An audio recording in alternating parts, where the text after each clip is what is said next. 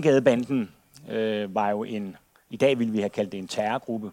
Øh, det var de ikke dengang, for der var terrorbegrebet et andet. Øh, men Blikkengadebanden var en idealistisk røvergruppe, øh, som var i funktion fra ungdomsoprøret 6-8, og så øh, et par år efter begyndte de at lave røverier. Røverier. Ran. I forstår godt røverier. Ja. Øh, og det gjorde de faktisk i næsten 20 år, øh, uden på noget tidspunkt at blive taget af politiet. Og de sluttede i 1988, 88, med at lave et i Danmark meget, meget berømt øh, kup mod hovedpostkontoret i København, i Købmagergade, hvor de skød en ung og dræbte en ung øh, politibetjent.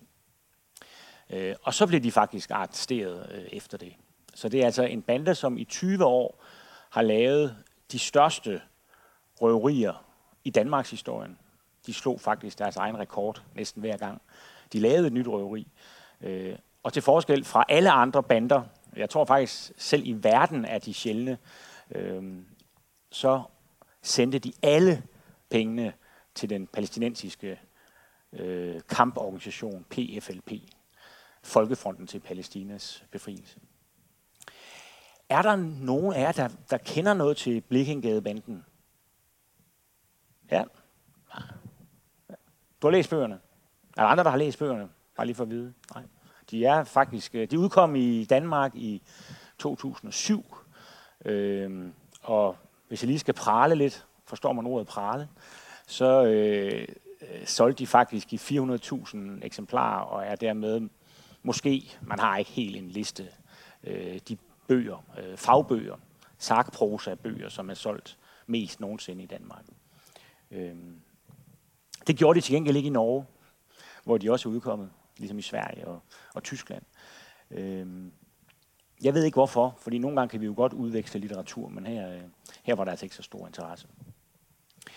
Det er jo en kæmpemæssig historie, øh, som jeg skal fortælle og jeg har kun en time, så jeg tager sådan nogle af de vigtigste ting. Men der er, der er en oplevelse, nu er jeg i Norge, som jeg i hvert fald lige har lyst til at, at dele med jer. Jeg var nemlig i Oslo, efter at den norske udgave af bøgerne var udkommet. Og der havde forlaget lavet sådan en, øh, en paneldebat, hvor der sad nogle forskere, der havde forstand på venstrefløj. Et par af dem var faktisk også gamle aktivister. En af dem kan jeg i hvert fald huske var gammel medlem af AKP. Øhm, og de nåede frem til en konklusion, der var meget overraskende for mig, fordi de sagde, at det der kunne aldrig være sket i Norge. Altså, og her er vi altså tilbage i før Breivik, vil jeg lige skynde mig at sige. Øh, og det er derfor, jeg synes, det er sjovt at nævne. Fordi de her forskere, de mente, at den norske folkesjæl, den norske psykologi, var sådan, at man ikke kunne finde på at lave så alvorlig kriminalitet. Man ville simpelthen ikke kunne finde en så øh, fanatisk holdning hos nordmænd. Det kunne ikke ske, at fundamentalisme ville slå igennem på en måde, som man begyndte at lave voldsom kriminalitet. Øh, og jeg var sådan set målløs. Jeg vidste ikke rigtig, hvad jeg skulle sige til det, for jeg tænkte, det kan ikke være rigtigt, at, at der kan være forskere, der mener, at Danmark og Norge har en eller anden forskellig psykologi, der gør, at det kan ske i Danmark, men det kan ikke ske i Norge. Og jeg vil også tro, at de forskere må have ændret holdning til sagen, øh, efter at Breivik lavede sin øh, massakre, fordi så kunne fanatisme med alvorlige konsekvenser altså også finde sted i, i Norge. Øh, Blikkengade-banden, og den hedder i øvrigt, som den gør, fordi at der er en lille gade i København, der hedder Blekingegade, opkaldt efter Blekinge i Sverige. Og det var i den lille gade, øh, i nummer to i Blikingegade, at politiet på et tidspunkt fandt en af de hemmelige lejligheder, som banden havde. Øh, de var arresteret på det tidspunkt, men man havde ingen nogen beviser. Øh, det var en meget, meget professionel bande, og de efterlod sig stort set ingen spor. Så man havde faktisk man havde anholdt dem på mistanke, men man havde ikke nogen beviser. Og man vidste, at de havde sådan en lejlighed et sted. Man havde blandt andet fundet de samme nøgler på alle bandens medlemmer, og det måtte passe til en lejlighed et eller andet sted. Så hundredvis af danske politibetjente ledte efter den her lejlighed. Øh, og den lå i Blikkengade, og der fandt man altså blandt andet jeg tror, der er billeder af det herinde i bogen, der fandt man det største, da man fandt lejligheden, øh, der fandt man det største våbenlager, som nogensinde er fundet i Danmark. Øh, Udover at der var udklædningsudstyr, så var der altså også håndgranater og øh, dynamit øh, og maskinpistoler og anti-luftskytsmissiler. Altså, det var øh, sprængstof og våben af et helt utroligt omfang, og hvis, hvis nogen havde tændt den forkerte tændstik i den lejlighed, så var der altså et helt kvarter af København, der var blevet et krater i luften, eller i, i, i jorden. Blikkengadebandens rødder skal man finde tilbage i ungdomsoprøret. Kalder I det også ungdomsoprøret i Norge? Ja. Altså i, øh, i 6-8. Øhm. Men det er vigtigt for mig, i, i, i Danmark, jeg ved ikke om det er sådan her, i Danmark der blander vi nogle gange to oprør sammen, som faktisk finder sted samtidig, men som jeg opfatter som to forskellige oprør. Fordi at jeg har skrevet en, to bøger om det ene oprør, og jeg har skrevet to bøger om det andet, og det andet oprør, det er hippierne.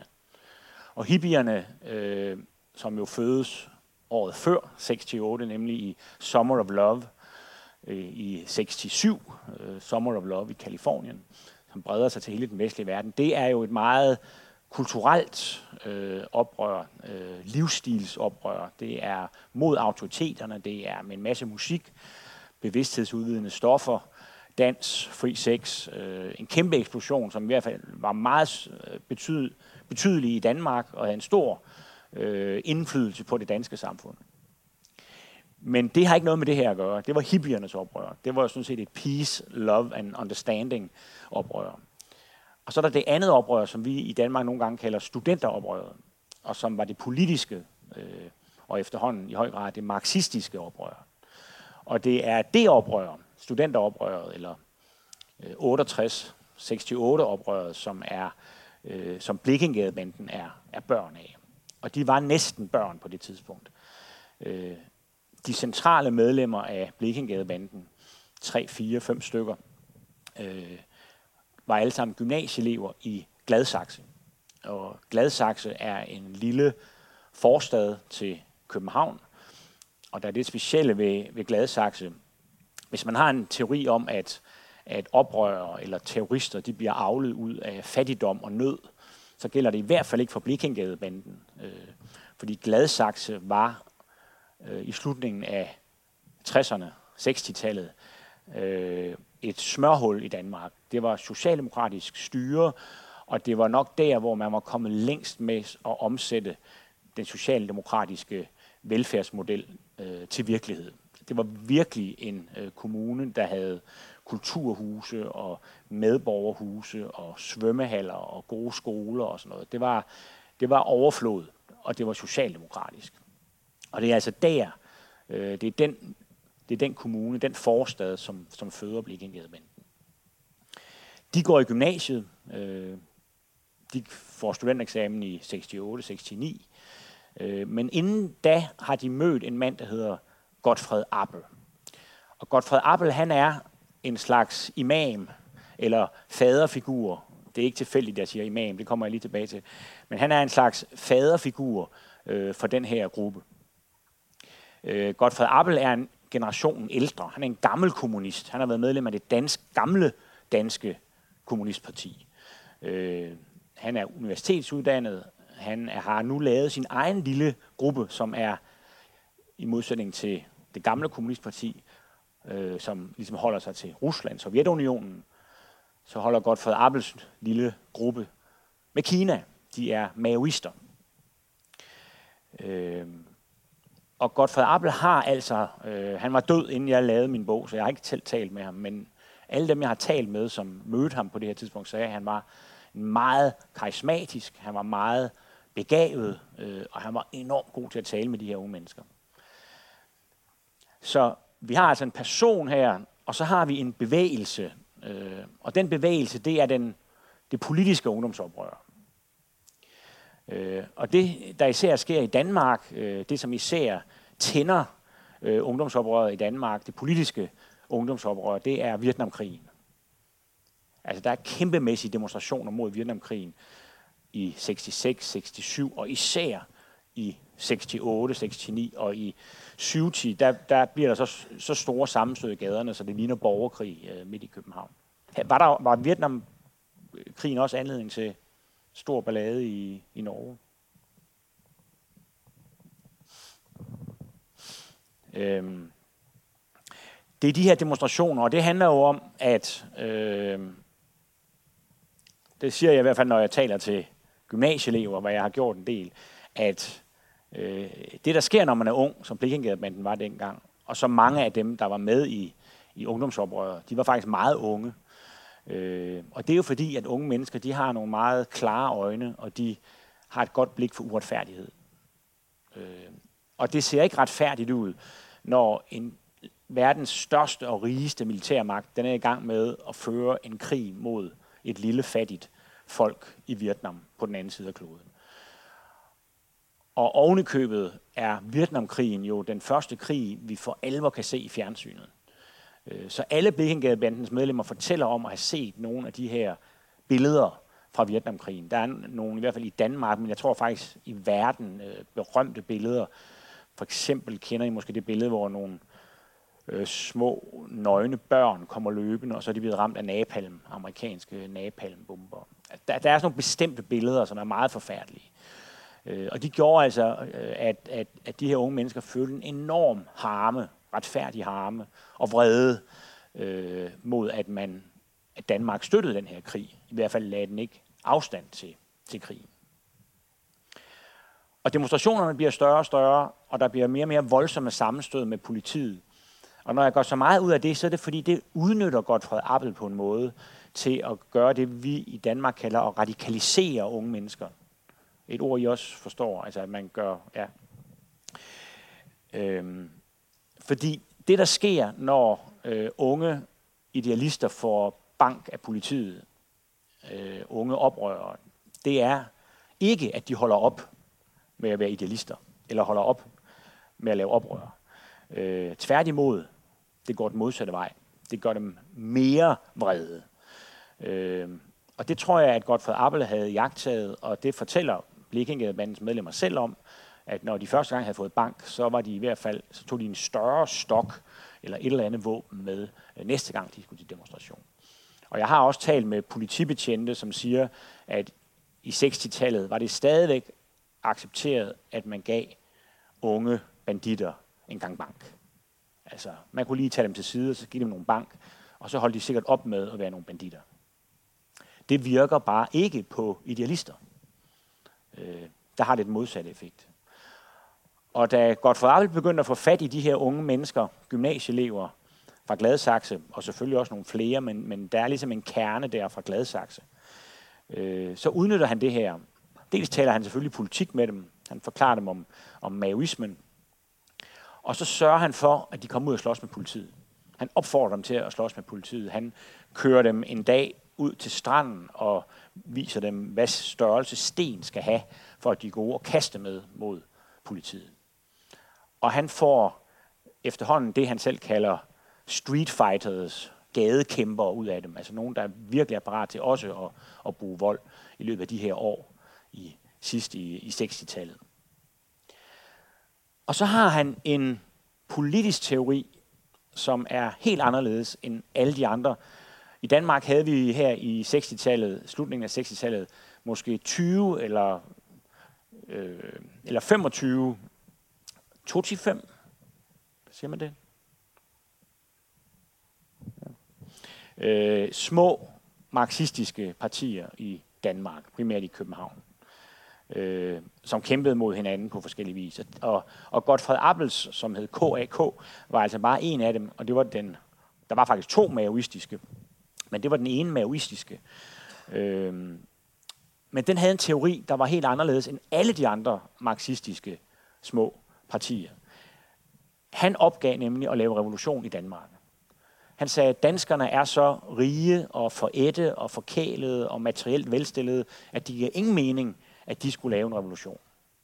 De er, som han sagde, bestukket af kapitalisterne. Så det man skulle gøre, det eneste man kunne gøre som revolutionær marxist, det var at sørge for at sende penge og våben ned til de fattige, ned til der i de fattige lande, i U-landene, i den tredje verden, hvor der var revolutionære gnist, hvor der var revolutionære øh, organisationer. Øh, og Godfred Abel, han ledte efter, hvem, hvor starter man hen? Hvor er den organisation i den fattige del af verden, som vi skal satse på? Og så var hans tanke sådan lidt ala Robin Hood, at stjæle pengene i Danmark, og så overføre dem til den her øh, revolutionære organisation i den tredje verden. Og han fandt en palæstinensisk organisation, som hed PFLP, Folkefonden til Palæstinas befrielse, og som øh, faktisk, øh, kan jeg se, når jeg læser om moderne terrorisme, regnes for grundlæggerne af moderne terrorisme. Øh, nogle af jer kan måske huske, øh, det er lige kanten af min hukommelse, jeg var en lille dreng, men de lavede faktisk de første flykabringer tilbage i 67 og 68, øh, hvor de kabrede fly, israelske fly i starten, og, og tvang dem ned et eller andet sted i ørkenen, og så fik de hele verdens opmærksomhed.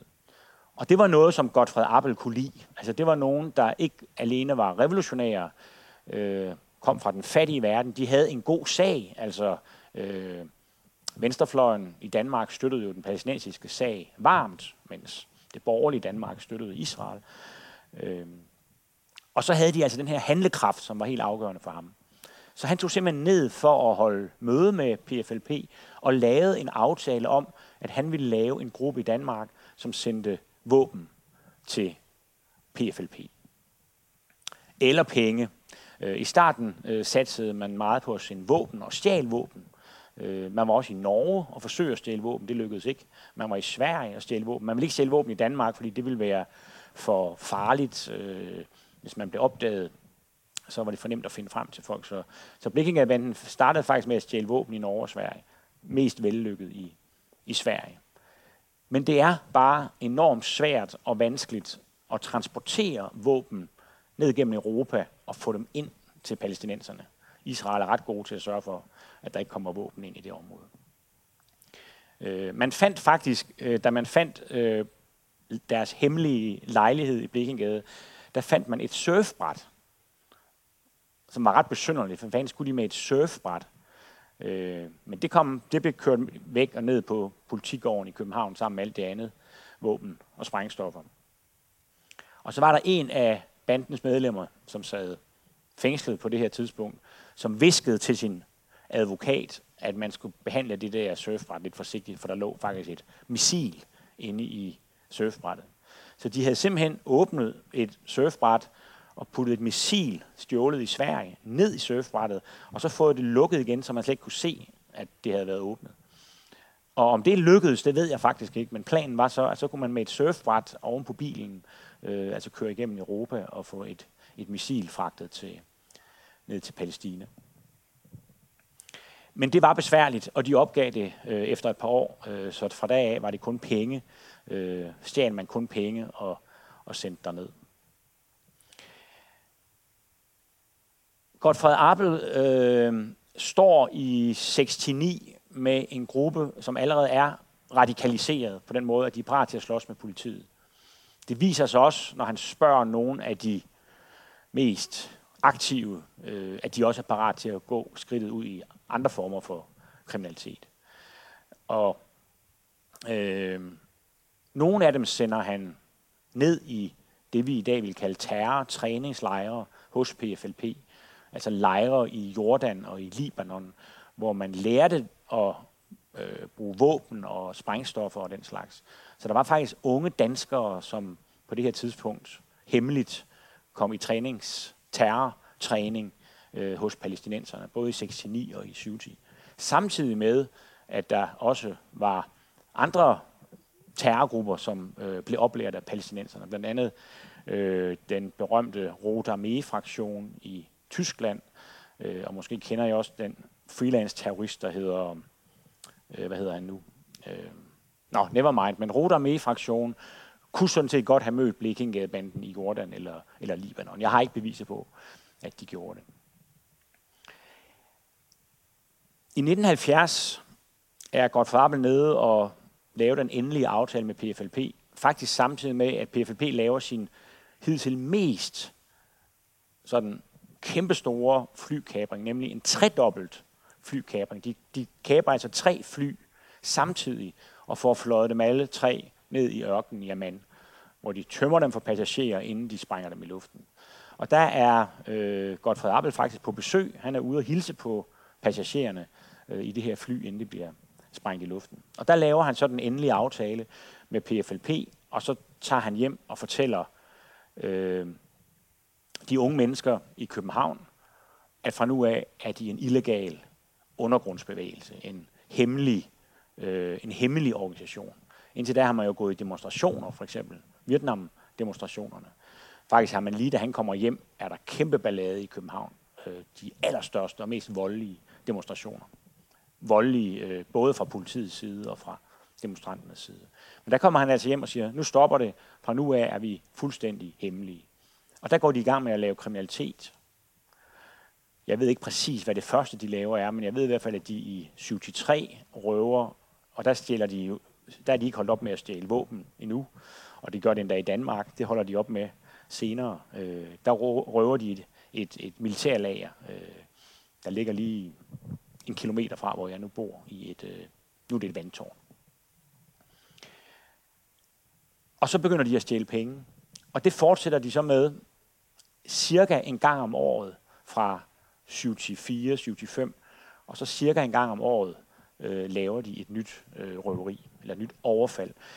Blikkengadebanden øh, laver aldrig bankrøverier på den måde, at man går ind i en bank og øh, med en pistol og truer sig til penge. Det har de aldrig gjort. De har den strategi, at pengene er nemmere at få fat i og mere sårbare, hvis man øh, røver dem, når de er ude i det fri. Altså, så de laver kun i de her 20 år pengetransportrøverier. Altså, de overfalder pengetransporter på sårbare steder øh, og tvinger chaufføren til at åbne øh, for transporten. Og det går de i gang med øh, 74, 75.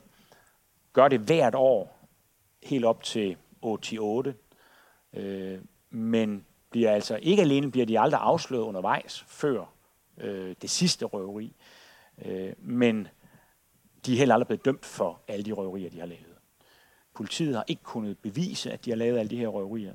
Så når jeg står og siger, at de har gjort det, øh, så er det fordi, at det ved jeg, fordi at jeg fik lov til at tale med en af gruppens medlemmer.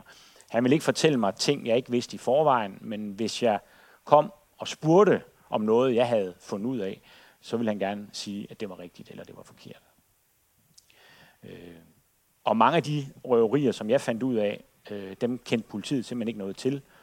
Politiet kendte kun til røverier, der var foretaget i 80-tallet, øh, hvor det var blevet meget store røverier. Der røvede de tit 5 millioner kroner, 7 millioner kroner, 8 millioner kroner. Og det var mange penge dengang.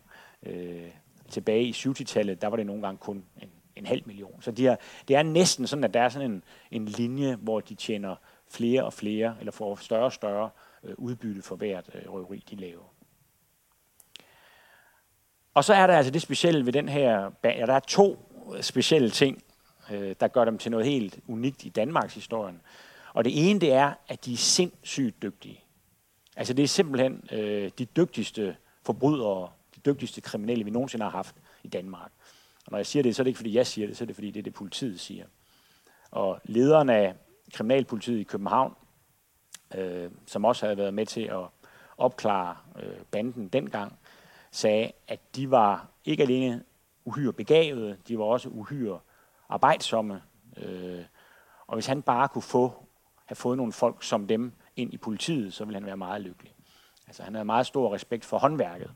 Øh, han havde selvfølgelig ikke respekt for, at man lavede kriminalitet.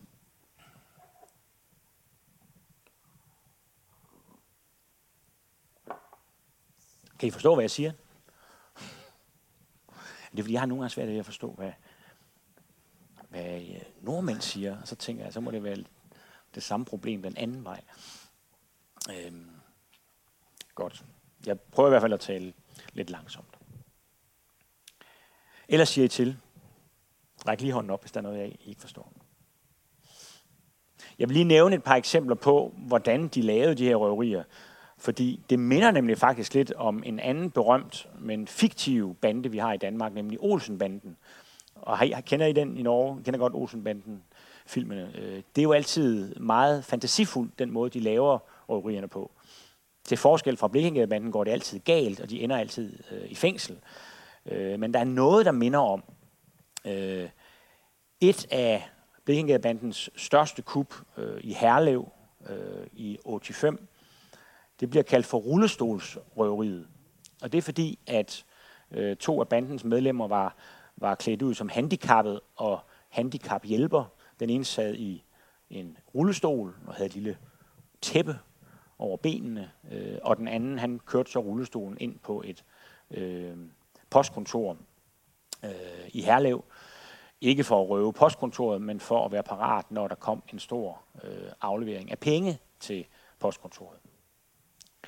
Øh, og da den her pengetransport så ankom, så var det pludselig ikke en handicap længere, for han sprang op og havde sig en ret stor, øh, øh, hvad hedder det, et gevær, en skyder øh, under øh, tæppet. Så der var tit sådan nogle øh, udklædning. Der var næsten altid udklædning. Altså de havde altid spillet nogle roller, når de udførte de her røverier. Et andet berømt røveri, øh, som fandt sted midt inde i København, hvor der var et gammelt øh, varehus, der hed Dals Varehus, som var sådan et berømt gammelt varehus, som ikke findes længere. Øh, men der var en kæmpemæssig omsætning, og det var der specielt op til jul. Og derfor havde de planlagt at øh, røve en transport, som skulle tage alle pengene fra lige, jeg tror det var to dage inden jul, der skulle alle pengene fra julesalget, julehandlen, dengang var det hele stadigvæk pengesedler, øh, deres fordel, øh, Øh, skulle transporteres fra Dals varehus og til en bank. Øh, og der var de så gået ind i bygningen, og der var den ene klædt ud som vinduespusser, og to af de andre var klædt ud som telefonteknikere. Øh, og der var ikke nogen, der stoppede dem. De fik lov til at gå lige ind i, i øh, administrationsafdelingen af Dals varehus. Og så overfaldt de så øh, pengetransporten og kørte i øvrigt pengene væk i en barnevogn. Øh, så der kom altså en mand gående med en barnevogn og lignede ikke en, der var på vej væk med 6 millioner kroner. Så på den måde var, var det øh, røverier, som var meget fantasifuldt øh, udført, og de var også resultat af nogle gange et halvt års planlægning. Det sidste kup planlagde de faktisk i et helt år, øh, hvor de observerede, hvordan de her pengetransporter bevægede sig. Øh, først zoomede de ligesom ind på, hvor der var et godt sted, et stort udbytte, ikke for meget sikkerhed, øh, og så jagtog de så det sted i flere måneder for at se, hvordan rutinerne var, så de kunne slå til på det helt rigtige tidspunkt.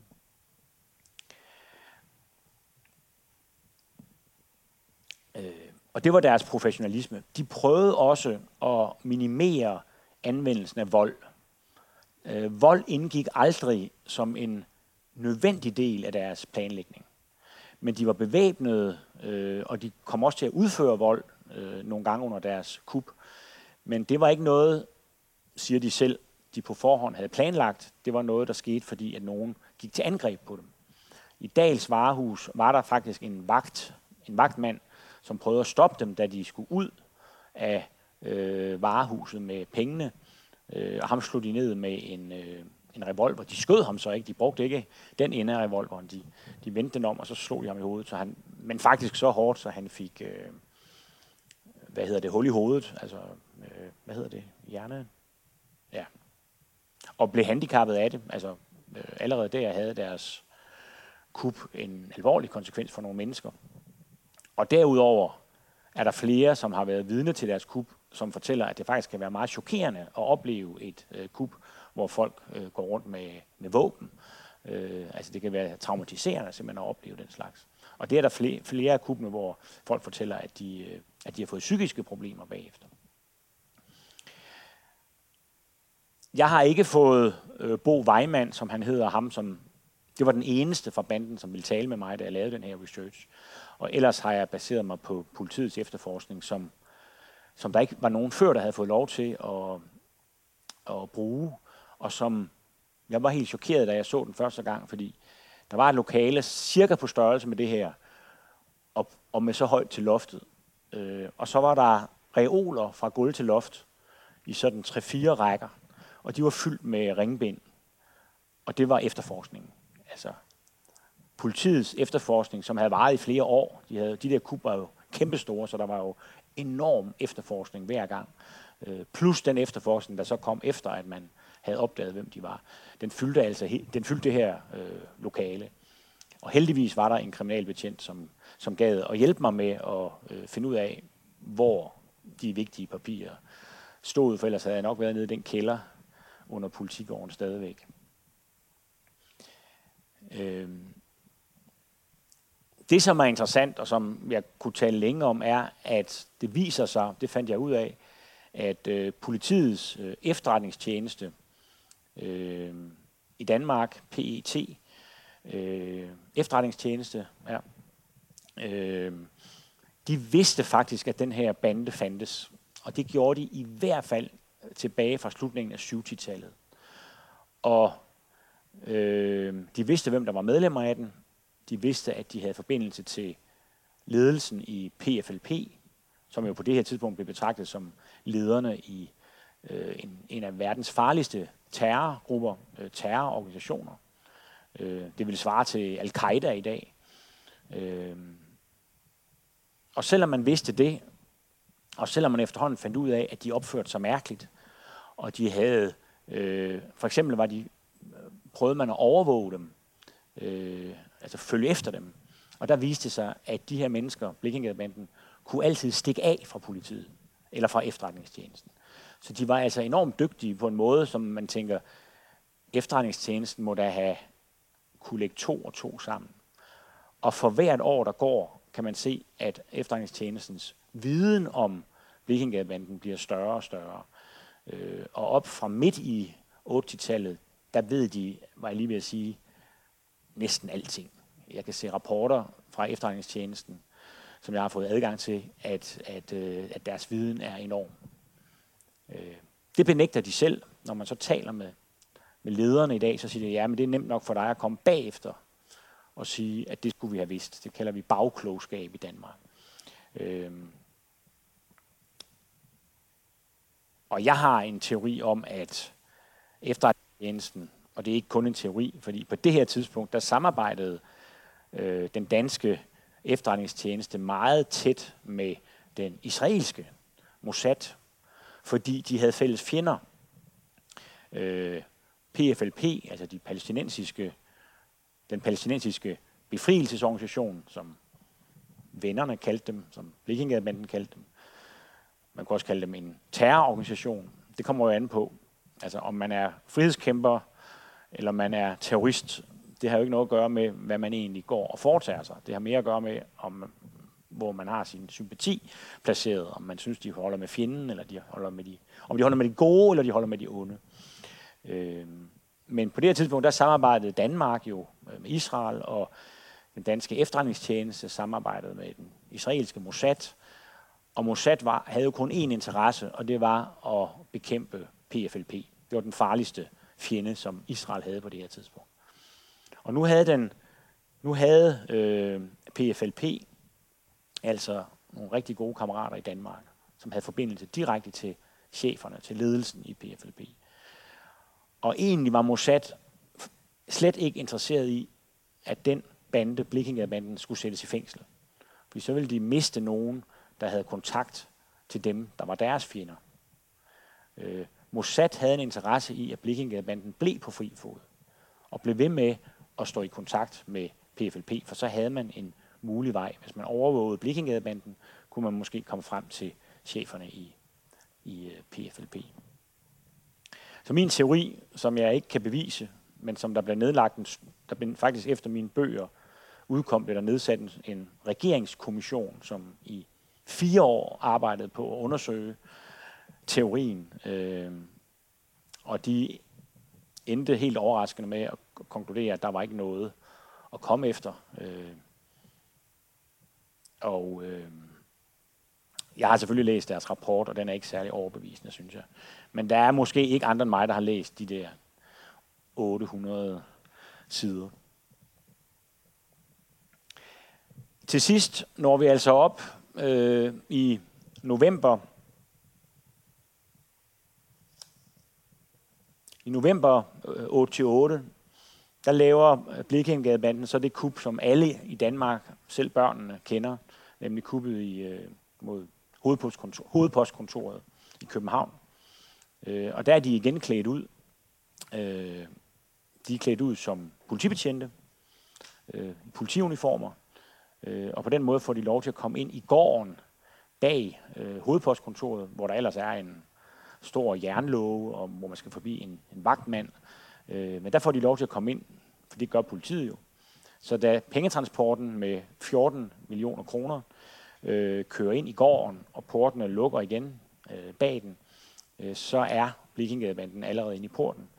Øh, og chaufføren i den der bil har fortalt mig, at det var ret chokerende at se en politibetjent, der pludselig angreb ham og tvang ham til at gå ud af bilen, og så kørte afsted med alle pengene. Og da de var på vej væk, så var der faktisk noget en politibil frem, øh, to politibiler frem øh, til stedet. Øh, det er lige midt inde i København. Politiet kunne ret hurtigt nå frem. Øh, og en af politibetjentene skyder efter den her bil, der er ved at, pengetransportbil, der er ved at køre væk. Øh, og så stiger en af røverne ud, men vi ved ikke hvem, og skyder øh, efter den anden politibil og dræber en øh, ung øh, 21-årig øh, politibetjent. Og lige præcis det her drab, og det ved jeg også fra den daværende leder af efterretningstjenesten, som også er gammel politimand. Lige præcis det her drab øh, får hele den danske politistyrke til at blive vrede. Og øh, faktisk kan man sige, at stadigvæk i dag, der er det sådan, at, at der er en, næsten en form for had fra det danske politi mod øh, Blikkengadebanden fordi de skød en politibetjent. Man skal ikke skyde. Jeg ved ikke, hvordan det er i Norge, men i Danmark bliver politibetjente aldrig skudt. Altså, der er ikke blevet skudt en politibetjent siden øh, 88 i Danmark. Øh, det er meget, meget, meget sjældent. Øh, og man skal mange år tilbage for at finde det, det foregående politidrab. Så her sætter politiet altså alle styrker ind øh, på at opklare drabet. Øh, og samtidig beslutter politiets efterretningstjeneste for første gang, at de også godt vil bidrage. Så de begynder altså at give de oplysninger, de faktisk har haft i 10 15 år, dem giver de til politiet. Og meget hurtigt ved man, hvem der har lavet det her øh, kub kup i, i Købmagergade mod hovedpostkontoret. Øh, man har bare ikke nogen beviser. Og det er, der er altså tale om så dygtige øh, kriminelle, at de ikke efterlader sig spor, øh, og det har de heller ikke gjort øh, ved det her røveri og i forhold til det her drab. Der går faktisk flere måneder, hvor man godt ved, hvem det er, og man overvåger dem. Øh, de siger ikke en lyd forkert i telefonen, eller øh, i de lokaler, man overvåger. Øh, man følger efter dem, men de ved godt, de bliver fulgt efter. De foretager sig intet øh, mistænkeligt. Øh, og det er også i den periode, at der sker noget, som overbeviser politiet om, at der er tale om idealister. Fordi den ene ting, der er unik ved de her mennesker, det er, hvor dygtige de er. Den anden ting, der er unik og aldrig set før, det er jo, at de ikke selv beholder nogen af pengene. Og de beholder simpelthen ikke en krone til sig selv. Øh, det kan politiet dels se på den måde, de lever på. De har ikke noget øh, særligt forbrug, de har ikke noget stort forbrug. Og så er der en telefonsamtale, som sker i den her periode. Øh, bandens kasserer hedder Torgil Lausen.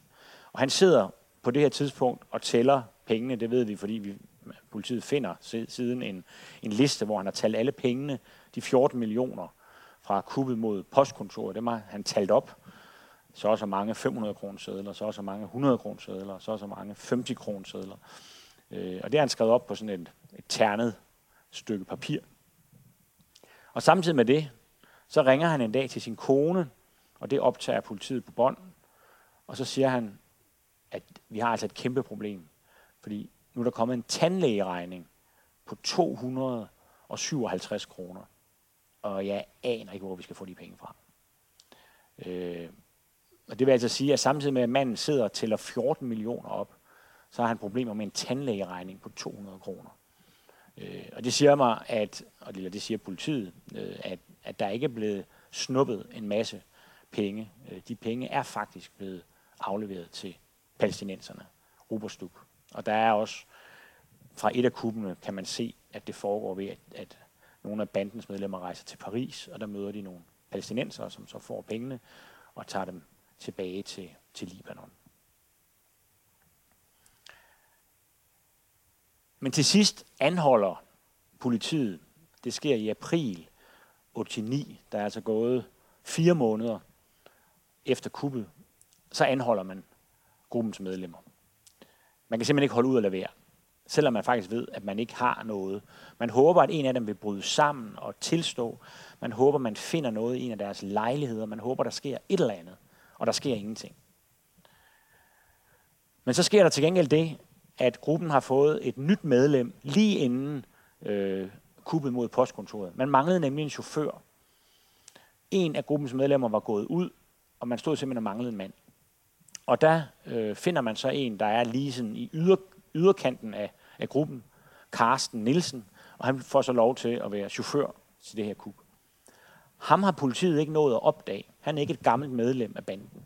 Så han er på fri fod, mens de andre er arresteret. Og hans opgave er at tømme lejligheden i Blikkinggade. Og det han især skulle have tømt den for, han kan, jo ikke, han kan ikke tømme den for alle de her våben og missiler og håndgranater. Men det han især skulle tømme den for, det var det oversavede jagtgevær fra kuppet, og den taske, de havde pakket med alle planerne for kuppet. Det er bevismaterialet. Og han får faktisk fjernet øh, våbnet, jagtgeværet. Det har man aldrig fundet. Måske har han været op og grave det ned nord for København. I hvert fald kommer han på et tidspunkt kørende tilbage mod København af en vej, der hedder Kongevejen, og har måske ikke været i seng hele natten, falder nok i søvn bag ved rettet, mister herredømmet, kører ind i en lygtepæl og bliver fundet af politiet. Han har fået smadret hovedet. Han overlever, men har fået smadret hovedet. Han, er, han blev blind blandt andet på grund af den ulykke. Og i den bil, der finder politiet en telefonregning på en lejlighed i Blikkingade 2 i København. Og så ved man godt, at det er der, man skal hen. Der har man faktisk haft flere hundrede mand, som jeg sagde i starten. Der har man faktisk haft flere hundrede politibetjente til at gå rundt med et par nøgler, som man vidste passede til den hemmelige lejlighed. Og så starte fra en ende af i København, og så prøve den i alle lejligheder. Undervejs opdagede man, at den, de nøgler passede faktisk i mange lejligheder, fordi der er ikke, altså i de gamle København, der er der en del låse, som bare er lavet som standard, øh, så man kunne faktisk låse sig ind nogle steder. Og de første gange troede politiet, nu har vi fundet lejligheden. Øh, men så boede der bare nogle gamle mennesker. Så derfor er det en gave. Dagen efter den her trafikulykke, hvor han kører ind i en lygtepæl, der havde politiet været nødt til at slippe Blikkengadebanden fri.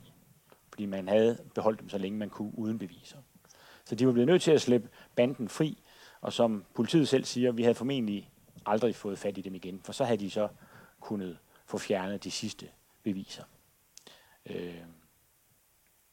Men nu fandt man altså lejligheden, og man fandt beviserne. Men det var også det eneste, man fandt, man kunne bruge til noget. De blev selvfølgelig dømt for ulovlig våbenbesiddelse. Altså for at have haft alle de her våben. Og de blev dømt for at have lavet nogle falske pas. Men det er altså meget, meget små forbrydelser i forhold til alle de her røverier og drab.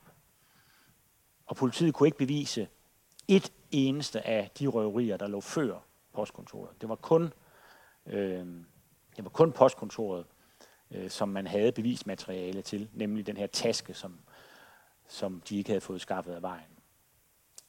Øh, og man kunne heller ikke dømme nogen for drabet, for det var ikke muligt at bevise, hvem der havde begået drabet på politibetjenten. Øh, så der er den dag i dag øh, ikke nogen, der er blevet dømt øh, for drabet. Man har i Danmark siden lavet loven om, så man nu kan dømme folk kollektivt for drab. Øh, fordi at det er ikke særlig smart, at en gruppe, hvor man ved, at en af, en af jer her fem mennesker har øh, begået et drab. I ved alle sammen, hvem det er, der har begået det. Men hvis bare I holder jeres kæft alle sammen, øh, så kan I slippe for at blive dømt. Så den, den lov er blevet lavet om. Men det er stadigvæk sådan i Danmark, at der er rygter og teorier om, hvem begik egentlig øh, drabet på politibetjenten i, i Københavnsgade derfor blev de ikke dømt særlig hårdt. Øh, der blev givet straffe fra tre år til 10 år. Og i Danmark er det sådan, at hvis man opfører sig pænt i fængslet, øh, så kommer man ud efter halv tid. Øh, så allerede efter fem år øh, blev de sidste af Blekingadebandens medlemmer øh, sluppet fri. Øh, og alle dem, jeg kender til, øh, er vendt tilbage til, til øh, gode stillinger og et fint liv, øh, og må sige sig være enormt gode eksempler på resocialisering af kriminelle i, i det danske samfund.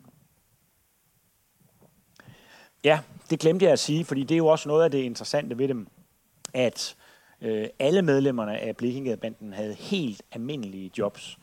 Øh, en var arbejdet ved brandvæsenet, og det var et godt job at have, fordi at så arbejder man, så har man vagter meget intenst i nogle dage, og så har man nogle gange en hel uge fri, og så kunne han så lave kriminalitet, øh, mens han, man, han havde fri. Og jeg har talt med hans kammerater, altså brandvæsenet i, i Danmark, det er sådan ligesom, der, de er gode kammerater med hinanden. Øh, og de, er meget, de var så chokerede, øh, fordi at Holger, som han hed, han var altså den bedste kammerat, den bedste brandmand, de nogensinde havde oplevet. Øh, og det var chokerende for dem, at de havde at gøre med en, en ja ikke bare en kriminel, men en form for, for terrorist. Og andre af dem havde, altså nogle af dem var meget, meget højt begavede. Især de to brødre, øh, Weimann, øh, øh, var altså sådan særligt øh, begavet, og, og Bo Weimann, øh, eller de, de arbejdede begge to med, med IT-udvikling. Øh, og det er faktisk de to medlemmer af Blikkingadebanden, som har installeret både det danske udenrigsministeriums øh, IT-system, og fandt jeg ud af, det er ikke noget, politiet taler særlig højt om, det danske rigspolitis øh, IT-system. Så de, de har faktisk haft adgang til politiets øh, IT-systemer øh, mens de begik deres kriminalitet. Og man kan gisne om, om de simpelthen har, har udnyttet det, øh, i hvert fald i de sidste år af deres kriminalitet. Og Bo, som jeg kender godt, øh, den ene af de to brødre, er vendt tilbage til sit arbejde i IT-branchen, og er i dag øh, IT-direktør i en stor øh, dansk virksomhed. Ja. Er der flere spørgsmål, for ellers så... Øh Ja. Ja.